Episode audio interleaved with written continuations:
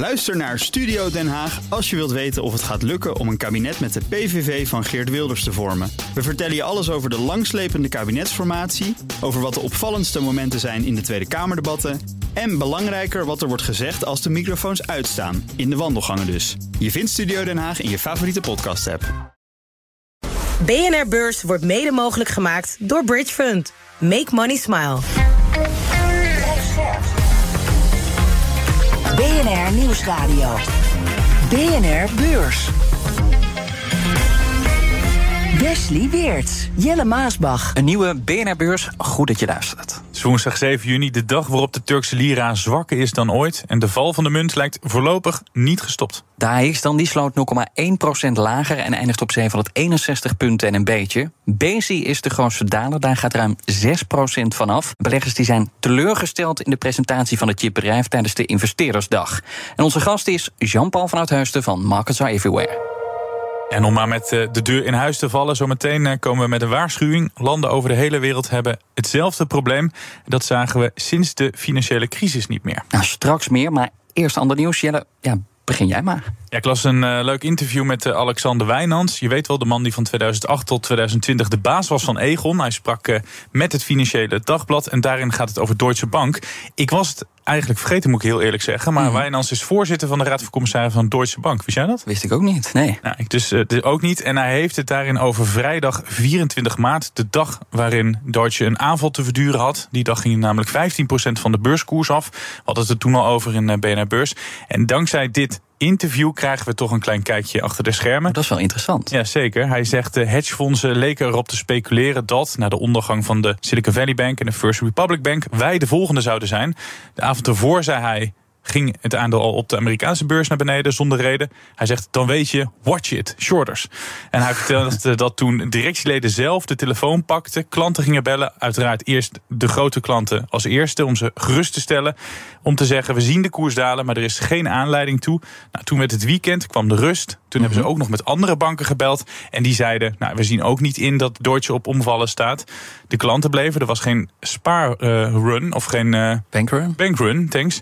En toen op maandag schoot de beurskoers weer omhoog en kozen shorters eieren voor hun geld. Eind goed, al goed. Ja, 80% van het verlies werd toen goed gemaakt. Maar wel leuk zo'n inkijkje van deze president-commissaris. Nou las ik bij de Belgische collega's van de Tijd nog een ander interview met Isabel Schnabel. Dat is een van de invloedrijkste Europese centrale bankiers. En volgens haar had de ECB eerder actie moeten ondernemen om de inflatie te bestrijden. De ECB is namelijk als een van de laatste centrale banken gestart met de rente te verhogen. Had onder meer te maken met onzekerheid, vertelt ze. We zaten op dat moment nog midden in de coronapandemie. En veel was toen nog onduidelijk. En ook is achteraf moeilijk te zeggen hoe de inflatie zich had ontwikkeld zonder de oorlog in Oekraïne. Deze nog andere interessante uitspraken? Ja, het is een behoorlijk lang interview. Ze pakken behoorlijk uit daar bij de tijd. Maar wat mij nog opviel is dat Snabel niet gelooft dat de strijd tegen inflatie een recessie gaat veroorzaken. Dan naar uh, deze voetballer. Lionel Messi. Forward with real menace here. Brilliant from Messi. Oh, what a goal that is! Lionel Messi die gaat voetballen, vooral cashen denk ik, bij uh, Inter Miami, meldt de BBC. En dan denk je, het gaat in BNR Beurs toch over beursbedrijven. Nou, klopt, kom ik zo op. Precies. Want hij heeft een aanbod afgeslagen van 300 miljoen euro per jaar naar verluid. Dat was bij een club in Saudi-Arabië. Hoeveel die in Amerika gaat verdienen is niet bekend. Maar daar zijn ze dan. Adidas en Apple, beide grote beursbedrijven, zouden zijn komst mede mogelijk hebben gemaakt. Oftewel, die beursreuzen die hebben geld geschoven om Messi naar die club te krijgen. Vind je dat uh, opvallend, uh, Jean-Paul? Nou ja, ik zit te denken bij Adidas hadden ze nog wat geld over. Want hebben ze dat contract met Kanye West uh, verbroken. dus uh, ja, het budget uh, gooien ze in de volgende bodemloze put. Nou, iets anders dan. De hele cryptomarkt is natuurlijk in rep en roer nu beurstoezichthouder SEC achter cryptobeurzen Binance en Coinbase aan zit. Nou, dat zorgde ook voor behoorlijk wat paniek bij beleggers. Maar drie keer raden Jelle wie gisteren aandelen Coinbase heeft gekocht. Adidas. Nee, Cathy Wood. Hè. We hebben het wel vaker over deze vrouw. Ze is de oprichter van Ark Invest, investeert in techbedrijven. Ze houdt van risico nemen, maar dit is wel heel erg gedurfd. Wood kocht gisteren op die dip 400.000 aandelen Coinbase bij. Totale waarde meer dan 21 miljoen dollar. Nou ja, als het goed gaat, dan rinkelt de kassa. Maar ja, als het niet goed gaat, dan raak je een hoop geld kwijt. Jean-Paul, wat vind je van deze aankoop? Nou, het is wel in lijn met haar verhaal. Ze heeft eerder dit jaar al gezegd dat ze de koers van Bitcoin naar de 1 miljoen dollar ziet gaan. Nou ja, als we dan nu zo rond de 5.000, 26.000 dollar staan, dan hebben we nog wel even wat te gaan. Uh, ja, het is, het is typisch het beleid. Het, het, trekt natuurlijk heel veel aandacht. Kijk, de performance van dat ARK Fund dit jaar staat geloof ik op 37 procent. Dus ja, wie ben ik om daar wat van te zeggen? Het is gewoon uh, heel hoog risico en heel hoog rendement. En zij gaat er toch vanuit dat het goed komt. De NCC, de beurswaakhond van Amerika, is op oorlogspad. Het zit achter de allergrootste crypto-platforms aan. Het komt nu zelfs met een serieuze waarschuwing. Miljarden aan geld van klanten dreigt gestolen te worden. De wereldwijde economie groeit dit jaar in het traagste tempo sinds de financiële crisis van 2008. In ieder geval als je de coronapandemie niet meerekent. De groei komt uit op slechts 2,7 procent, voorspelt de OESO. En volgend jaar doet de wereldeconomie het niet veel beter. De tegenvaller komt overigens niet helemaal als een verrassing. Gisteren waarschuwde de Wereldbank ook al voor slechte vooruitzichten. Wat is de grootste veroorzaker van al dat pessimisme, Jean-Paul? Nou ja, is dat we natuurlijk aan het einde van de economische cyclus zitten. En uh, je ziet dat alles duurder geworden is aan die inflatie. Uh, nou, in het begin uh, zijn alle buffers, zowel bij de bedrijven als bij de huishoudens, goed. Nu wordt iedereen wat kritischer. We zien bedrijven wat langer nadenken voordat ze investeringsbeslissingen nemen.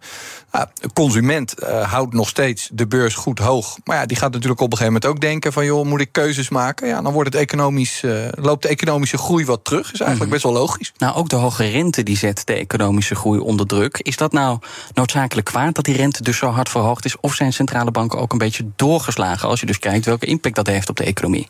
Nou, uh, eigenlijk niet. Want uh, kijk, ze willen natuurlijk die economie afremmen. Dat is de reden dat ze die uh, rente verhogen. Nou, en het afremmen van de economie, dat lukte in ieder geval, blijkt uit ja, deze cijfers. En zo hard gaat dat afremmen niet. De beurs ligt er eigenlijk nog best goed bij. Kijk, er waren op een gegeven moment waren de gedachten van... Oeh, weet je, rente op 5%, dan krijgen we een harde landing. Ja. Dan gaan we, komen we in een crisis terecht. Ja, op dit moment ligt het scenario van een zachte landing dat het gewoon netjes naar beneden wordt gemanaged. ligt nog steeds open. Nou maken wij een beursprogramma, dus de vraag is dan altijd... hoe gaat dit beursbedrijf verraken? Ja, welke bedrijven of welke sectoren uh, worden vooral geraakt? Voor wie is dit vooral slecht nieuws? Kijk, het eerste waar je aan denkt als de economische groei naar beneden gaat, zijn de cyclische uh, bedrijven en de cyclische sectoren. Dus dan begin je bij uh, energie en bij uh, basismaterialen, dus alles wat met grondstoffen te maken heeft. Want ja, daar wordt gewoon minder geproduceerd, geïnvesteerd. Dus gaat het daar wat minder. En zijn er dan specifieke bedrijven waar je voor vreest voor de komende maanden in die sector? Nou, ik zou in eerste instantie gewoon even beginnen met de hele sector. En uh, binnen elke sector heb je natuurlijk weer de sterkere partijen mm -hmm. en de, de wat zwakkere. Maar dan moet je echt even de, de diepte in. Kijk, de hele grote beursgenoteerde bedrijven waar we het over hebben, ja, die kunnen wel tegen een stootje. Die zijn vaak breed gespreid, hebben meerdere activiteiten. Die zitten ook wel goed in de wedstrijd. Dus die kunnen dat wel een beetje opvangen en een beetje naar beneden managen. Maar met name de bedrijven die bijvoorbeeld, hè, de jonge bedrijven die maar uh, ja, één tak van sport hebben, als daar gewoon minder besteld wordt, en dan kan dat wel eens heel pijnlijk zijn. Nou ken ik je als iemand die goed onderzoek uh, doet altijd, dus ik wil toch wel wat namen horen van bedrijven waar jij voor vreest. Nou ja, je kunt het beste gewoon dan, uh, andere sectoren die daar ook bij horen, zijn de luxe goederen. Uh, daar zie je het nu een klein beetje terug. We hebben het hier ook al eens eerder gehad over LVMA. Ja, die kreeg zo'n tik. Ja. Ah, dat is typisch zo'n bedrijf. Die houden het wel vol. Hè. Die vallen niet om bij een vertraging, maar pas bij een crisis. Ah, je ziet beleggers daar nu wel wat uh, winst van tafel halen. Uh, ik heb vanmorgen zitten kijken naar een bedrijf wat het ook heel goed doet, Inditex. Uh, Spaanse moederbedrijf van uh, Zara en Bershka en zo. Supergoeie cijfers. Maar ja, als je dat dan afzet tegen bijvoorbeeld een H&M... Ja, die hebben het een heel stuk lastiger. Dus dat zijn de bedrijven waar je op moet letten. Tegelijkertijd uh, kwam vandaag ook een tegenvallend cijfer uit, uit China. De export kreeg een flinke knauw. De afgelopen maand 7,5% gedaald vergeleken met vorig jaar. Schrok jij daarvan? Nou, niet echt. Want dat cijfer, kijk, dat is uh, als je een dagprogramma maakt, dan, dan pak je nu dit cijfer. Vorige maand was het weer veel beter. Uh, misschien volgende maand ook weer. Dat gaat nogal flink op en neer. Ja. Dus het is nou niet meteen één ding om van te schrikken. Maar wat je wel ziet, is dat de. de we hadden het de hele tijd over de heropening van China. En nu gaat het economisch wel weer goed. En dat, dat gaat, valt tegen, hè? Ja, dat gaat wat langzamer. Uh, dan dat mensen hadden gehoopt. Nee, je zou toch een stijgende lijn verwachten dan? Ja. ja, dat ging er met name ook uit van die Chinese consument... die drie jaar was opgesloten en weer naar buiten kon... en weer ging besteden. Dus ik denk toch dat dit uh, Chinese exportgetal met name heeft te maken met die terugloop van de, de verwachte groei van de wereldeconomie. Dus dat buitenlandse bedrijven ook gewoon wat voorzichtiger zijn en wat minder bestellen. En China is natuurlijk de fabriek van de wereld, dus die merken dat aan de orders. Maar ik heb dat maandenlang gehoord. Dat iedereen zei: dan gaat die Chinese economie open, dan, dan gaan we daar een impuls van krijgen. China gaat ons niet een setje omhoog geven. Daar ziet het op dit moment niet naar uit. Dus er wordt er verwacht dat uh, de Chinese overheid uh, over niet al te lange tijd met stimuleringsmaatregelen komt. Wat we ons in Europa moeilijk kunnen voorstellen. Ja. Dan gaat die rente net omhoog. Gaat het daar misschien naar beneden? Maar ja, aan de andere kant is dat ook wel mooi. Want dan uh, uh, ja, uh, balanceert het wel een beetje uit. Maar voorlopig doen die Chinese aandelen het helemaal niet goed. Over stimuleringsmaatregelen gesproken. In ons land wordt de, de, druk verhoogd om die spaarrentes hier te verhogen. Maar in China wordt inmiddels al het omgekeerde geëist. China vraagt namelijk grote banken om de spaarrente te verlagen. En dat moet dus die Chinese economie een boost geven, zo is de overtuiging. Meldt Bloomberg op basis van anonieme bronnen. Maar gaat dat ook echt helpen? Want het is vooral ook die export die tegenvalt. Ja, die buitenlandse vraag ga je niet mee aan. Nee, maar je hebt meerdere dingen. Kijk, in China gaat het in de eerste plaats om de vastgoedsector. Er zijn geloof ik in China meer huizen dan dat er Chinezen zijn. Dus dat ligt een beetje op schat. Uh, dus als ze willen dat mensen het nu weer aantrekkelijk vinden om toch nog weer een woning te kopen, ja, dat helpt natuurlijk. Als de rente uh, laag, heel laag staat. Dus daar moet je aan denken om de binnenlandse vraag te stimuleren. Maar die buitenlandse vraag, de, ja, die wordt ja, dat hebben ze natuurlijk maar delen uh, zelf in de hand. Ze kunnen natuurlijk kijken of ze goedkoper producten kunnen aanbieden. Maar ja, als de vraag in het buitenland er niet is, omdat daar de groei lager is, ja, dan uh, is dat toch lastig om dat aan te wakkeren. BNR Beurs. Wall Street dan, een gemengd beeld. De Dow Jones staat hoger, 0,3% krijgt dat erbij. De S&P 500 daar gaat 0,1% af en de Nasdaq staat 0,8% lager. En over de S&P 500 gesproken, die brak heel eventjes door de 4292 punten. En sinds het laatste dieptepunt in oktober steeg de S&P 500 met 20%. En daarmee zit het officieel in een bull market. Al is de vraag, voor lang. En tegelijkertijd hebben we dus recessieangst, renteverhogingen. Nou, de lijst met tegenvallers is lang. Toch gaat de koers door het dak. Van waar dat optimisme, Jean-Paul? Ja, het is altijd heel moeilijk om uh, het sentiment op zo'n beurs, op die financiële markten goed uit te leggen. Maar wat je dus nu eigenlijk hebt, is dat de, de, de, de angst, de zorgen over een aantal dingen, die waren zo groot. Uh, eerst was het dat schuldenplafond. Van oeh, ja. weet je, dadelijk gaan we. We hebben natuurlijk nog steeds van, ja, valt er dan dadelijk toch nog een, uh, een bank om? Nou, ja. En als dat elke keer het schuldenplafond is opgelost, die banken doen het eigenlijk wel goed. Dus het is op dit moment, als het, het hoeft niet eens goed nieuws te zijn, als het maar niet zo heel erg slecht maar nieuws niet tegenvalt. Ja, dan denken mensen van, nou ja, weet je, het valt eigenlijk best mee. En dan gaan we net elke, maar echt heel enthousiast omhoog gaat het natuurlijk ook niet. Nee. Maar het sluit wel een beetje aan bij jouw verhaal wat ik nu ga vertellen. Netflix waren eerst ook heel erg zorgen over. Koers gaat nu ook bijna 2,5% omhoog. Uh, streamen gaat lekker omdat analisten van zowel JP Morgan als Wells Fargo heel erg optimistisch in één keer zijn geworden. Koersdoel gaat uh, flink omhoog, want ze zeggen Netflix gaat er veel meer klanten bij krijgen. Het zit namelijk achter die klanten aan die wachtwoorden delen. En Wells Fargo zegt nu, ja, uiteindelijk gaan meer mensen nu zelf een wachtwoord een, een, een, abonnement nemen. Meer nog dan waarop Netflix had gerekend. En die krijgen dan ook een eigen wachtwoord. Ja, ik zie het nu ook in mijn omgeving. Mijn schoonouders, mijn ouders en mijn zusjes die zaten op mijn account. Nou, die hebben nu allemaal een eigen account genomen. Dat is allemaal goed voor, voor de omzet. Maar dat is leuk, hè? Ja, want dan zie je het gewoon dichtbij zelf ook gebeuren. Ja, ja minder uh, leuk voor hun portemonnee, maar wel beter voor de mijne. BNR Beurs. Niets en niemand lijkt meer veilig in de Amerikaanse klopjacht op cryptobedrijven. Bij de Coinbase en Binance al aangeklaagd door beurswaakhond SEC voor onder meer bedrog. Nu gaat de toezichthouder een stap verder. The SEC says Zhao and the exchange commingled billions of dollars worth of customers' assets, or mixed with corporate funds, a breach of US law, and that those assets were secretly controlled by Zhao. Hoort het goed, Amerikaanse klanten van Binance lopen volgens de SEC het risico om meer dan 2 miljard dollar kwijt te raken. Als ze de tegoeden niet kunnen bevriezen, denken ze dat de CEO en de oprichter van het crypto-platform het gaat stelen. Harde beschuldigingen aan het adres van die bedrijven, van die topman. Er komen rechtszaken. Eerst maar even, waarom nu en, en waarom op, op zo'n manier? Het klinkt bijna als een film. Jean-Paul? Ja, en zeker die uitspraak die je nu net aanhaalt over die 2,2 miljard. Dat is natuurlijk eigenlijk vrij bizar. Ja, dat, dat zo SEC iemand dat van de SEC uh, dat zegt. Daar moet dadelijk misschien maar over hebben. Ja, waarom nu? Kijk, die Gary Gensler, als hoofd van de SEC. Kijk zijn eerste interview maar eens terug toen hij aantrad. Toen zei hij van uh, crypto's voor mij heel duidelijk, dat zijn effecten. Ja, dus die, die is vanaf dag één bezig geweest van... joh, ik wil ze gewoon in de pas laten lopen... met alle uh, effecten, wetgeving die we hebben. Ja, ja dat, dat, dat wringt natuurlijk uh, bij het vrijheidsgevoel van die cryptobedrijven. Uh, nou ja, en dan, dan moet hij dus munitie gaan verzamelen. een dossier opbouwen. Nou, dat heeft hij jaren gedaan. En blijkbaar heeft hij nu zoveel correspondentie en dingen liggen... dat hij denkt, nou weet je, ik waag het erop. Maar dat die opmerking dat die oprichter en die CEO die uh, te goede zou stelen, daar wilde jij nog wat over zeggen? Nou ja, ik vind dat, kijk, hij doet dat natuurlijk vanuit zijn toezichthoudende rol. Dat hij zegt van, joh, uh, het lijkt geld van klanten, maar zij, zij kunnen daar direct bij. Dus zij zouden dat uh, ja. weg kunnen boeken. Uh, zonder dat de klant daar wat van af weet. Maar ja, feitelijk is dat natuurlijk een oproep van: jongens, heb je daar nog geld staan? ik zou het even ergens anders ophalen. En dat is, uh, ja, ik, ik, ik ben geen jurist, maar uh, ik vind het wel een bijzondere uitspraak. En wat ook wel bijzonder is, Binance is het grootste platform van de wereld, gaat er jaren mee. Waarom kon het dan zo lang uit handen van de toezichthouders blijven? Nou ja, omdat die, die crypto's natuurlijk niet zijn opgenomen in de bestaande wetgeving. Dat is nog steeds de hele tijd, zowel in Amerika als ook in Europa, in voorbereiding. Dat hoor je hier de AFM ook altijd zeggen: van ja, we zouden wel wat willen doen, maar we kunnen niet, want het, het zit niet in ons mandaat. Aha.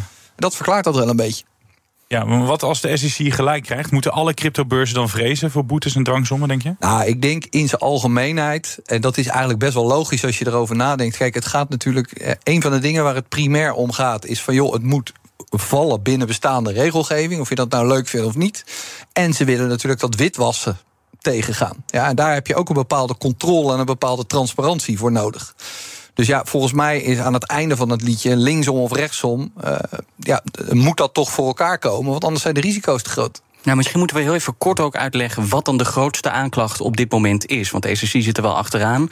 Maar wat is dan het groot, de grootste aanklacht vanuit die Nou ja, dat, dat, ja, het spijt maar dat is ook zo lastig. Want dan moet je dus dat hele ding doorlezen. Ze hebben dan bijvoorbeeld gezegd van uh, bij Coinbase... er zijn geloof ik 13 crypto's op dat platform. Ja. Dus lang niet alles. Hè. Bitcoin wordt daar niet genoemd, maar wel Solana... en nog een paar andere die, die dan uh, effecten zouden zijn... Dus er zit veel meer detail bij, buiten dan dat het gewoon even is van je doet het allemaal niet goed. Het zijn nou twee bedrijven, maar dit gaat dus uiteindelijk effect hebben op die hele cryptomarkt. Ja, en het, hetgene wat mij eigenlijk nog het meest verbaast, kijk, Coinbase daar werd toch eigenlijk van gedacht: van dat is eigenlijk het, het braafste jongetje van de klas. Want die zijn twee jaar geleden naar de beurs gegaan. Als je naar de beurs gaat, krijg je natuurlijk ook allemaal controles over je heen en dingen. Dus, Moet je een hele papierwinkel aanleveren? Ja, en een prospectus en een dingen. Maar ja, kennelijk is daar toch iets helemaal niet goed gegaan. En. Uh, je zegt het terecht, ze gaan naar de beurs. Uh, dan heb je dus als belegger een aandeel hierin dan moet je maar afwachten hoe het, hoe het gaat aflopen. Wat betekent dit als je hiervan uh, nou, nou, ik kan, bent? Ik kan me nog goed herinneren dat ik... Uh, want ik, ik, ik, ik had contact met een uh, zo'n zo'n zo'n crypto-community... toen Coinbase naar de beurs ging. Dus natuurlijk iedereen laaiend enthousiast van... oh, weet je, het ook over gehad. Ik kan me nog herinneren dat ik toen heb gezegd... Nou, weet je, wat zei ze, Jean-Paul, ga je ook meedoen? Ik zei, nou, neem nou gewoon een bier en een zak chips... en ga eerst maar kijken hoe het loopt. Want die, die, die koers bij de beursgang... die hebben we nooit meer teruggezien. Nee. dus uh, het, je moet er, het, het, positieve van zo'n bedrijf is dat ze mega marges maken op die transacties, met name op die kleine transacties. Echt, de, daar kan een gemiddelde aandelenbroker van dromen. Maar ja, zolang die regelgeving niet geregeld is, moet je er gewoon heel erg bij uitkijken. En als je de SEC als vijand hebt, heb ik al vaak geleerd, dat wil je niet als beursbedrijf. Nee, dat remt in ieder geval, houdt je dat natuurlijk heel erg af van uh, je andere managementwerk. En uh, dat is niet fijn. Nee. Welke gevolgen heeft deze jacht op die hele cryptomarkt, denk je uiteindelijk? Ja, het interessante is als je gewoon naar de cryptokoersen zelf kijkt. Uh, Bitcoin was zelfs volgens mij vandaag omhoog. Uh, maar zelfs ook die, die Binance coin. ja, die was helemaal nog niet zo heel ver naar beneden. Dus het, het is de bedrijfsvoering van die bedrijven is echt iets anders dan de cryptomarkt zelf. Dat lees je daar eigenlijk uit af. Je had het net over die voorzitter van de SEC. Het het is natuurlijk wel een beetje haantjesgedrag. Even spierballen taal laten zien wie de baas is. Denk jij dat ze uiteindelijk ook nog achter andere bedrijven, dus zeg maar buiten die sector, aangaan? Nou ja, de, als die zich niet. Kijk, het, bij, bij de toezichthouder, het gaat om do, voldoe je aan de regels. Dus ze gaan achter iedereen aan die zich niet aan de regels houdt. Maar dat is natuurlijk in de cryptowereld wel echt uh, meer aan de gang dan bij andere bedrijven. We hebben natuurlijk in het verleden ook met Elon Musk al eens een keer een... Uh, een akkefietje gehad. Ja.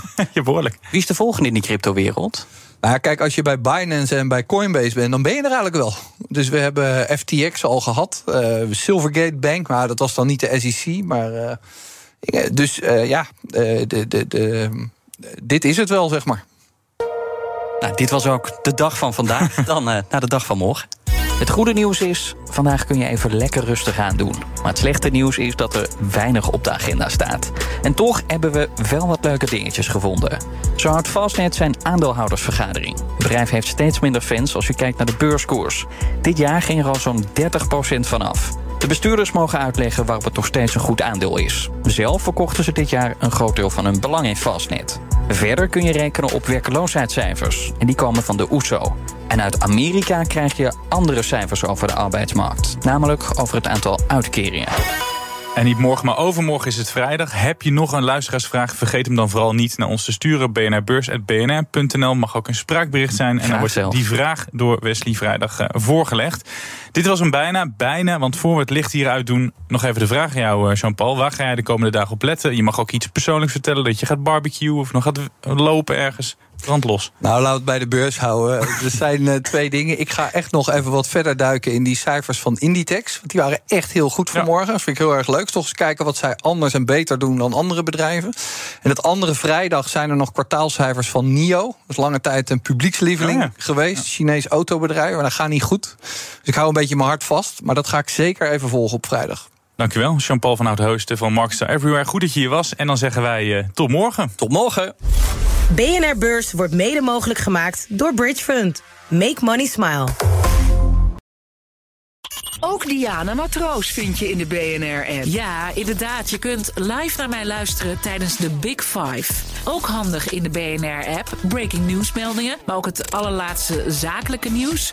En je vindt in de app alle BNR-podcasts, waaronder Wetenschap Vandaag. Download nu de gratis BNR-app en blijf scherp.